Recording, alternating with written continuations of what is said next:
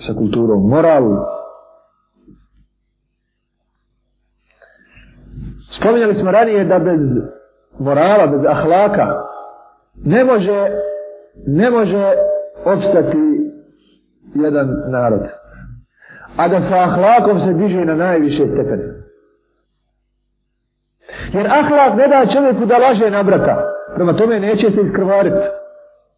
A nedostatak ahlaka i čini da jedne druge ujedaju, ugrizaju, psuju, napadaju, e, dušmanuće, podkopavaju. Prema tome i civilizacija izjede se narod unutar sebe.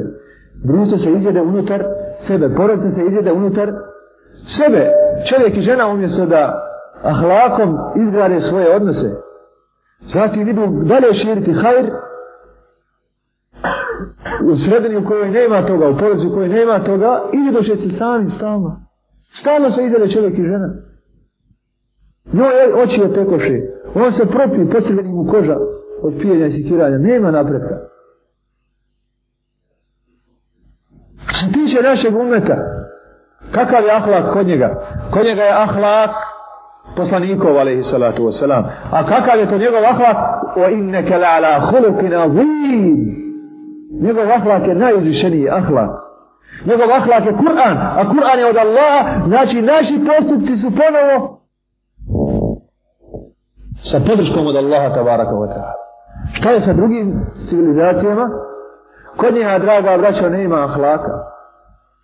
Kod njiha je od bontona i ahlaka razvrat, bestid, sramota. Kod njiha je, umjesto da se cijeli stid, na primjer, kod njih se cijeni bez stid. Pa ako je neko stidan, nema u njimom društvu mjesta. A ako je neko bubljiv na jeziku i prezobrazan svako ko će da viru, taj je kod njima cijenjen. Toliko im je nedostatak njihova ahlaka i rušenje svih načela moralnosti. Toliko ih je izopačilo, natjeralo ih je da mijenjaju pogled i odnos prema ahlaku uopšte. Pa danas ne smatraju zinaluk nemoralo. Moraju se to promijeni, pošto ne mogu da prevladaju zina kod njih. Isti su ih napisali, zina nije ha, loš, loše ponašanje, loša pojava. Pa pošto ne mogu savladati krađu, laž, i tako dalje, ne mogu da savladaju recimo prostituciju, ne mogu da savladaju homoseksualizam, odobravaju i brakove muškarca s muškarcem. Odobravaju brakove životinje s čovjekom. Žene sa ženom. Šta je ovo?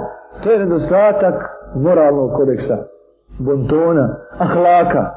To nema ni jedan narod sem islamskog. Neću reći da ima čovjek koji je razvao sve muslimanom da ima. Ne, ne, ne. Evo to ima u islamu. I to imaju ljudi koji i mora imati, ako se Allahove reći pokore, koji su u islamu potpuno, kao što Allah kaže, ja gledi namenu kuli fisilmi kafa, ovjeriti uđite u islam, potpuno, okiti se njegovim ahlakom, očiti se njegovom akidom i pokorite se njegovim propisima njegovog šerijata fikha. Znači druga stvar je ahlak.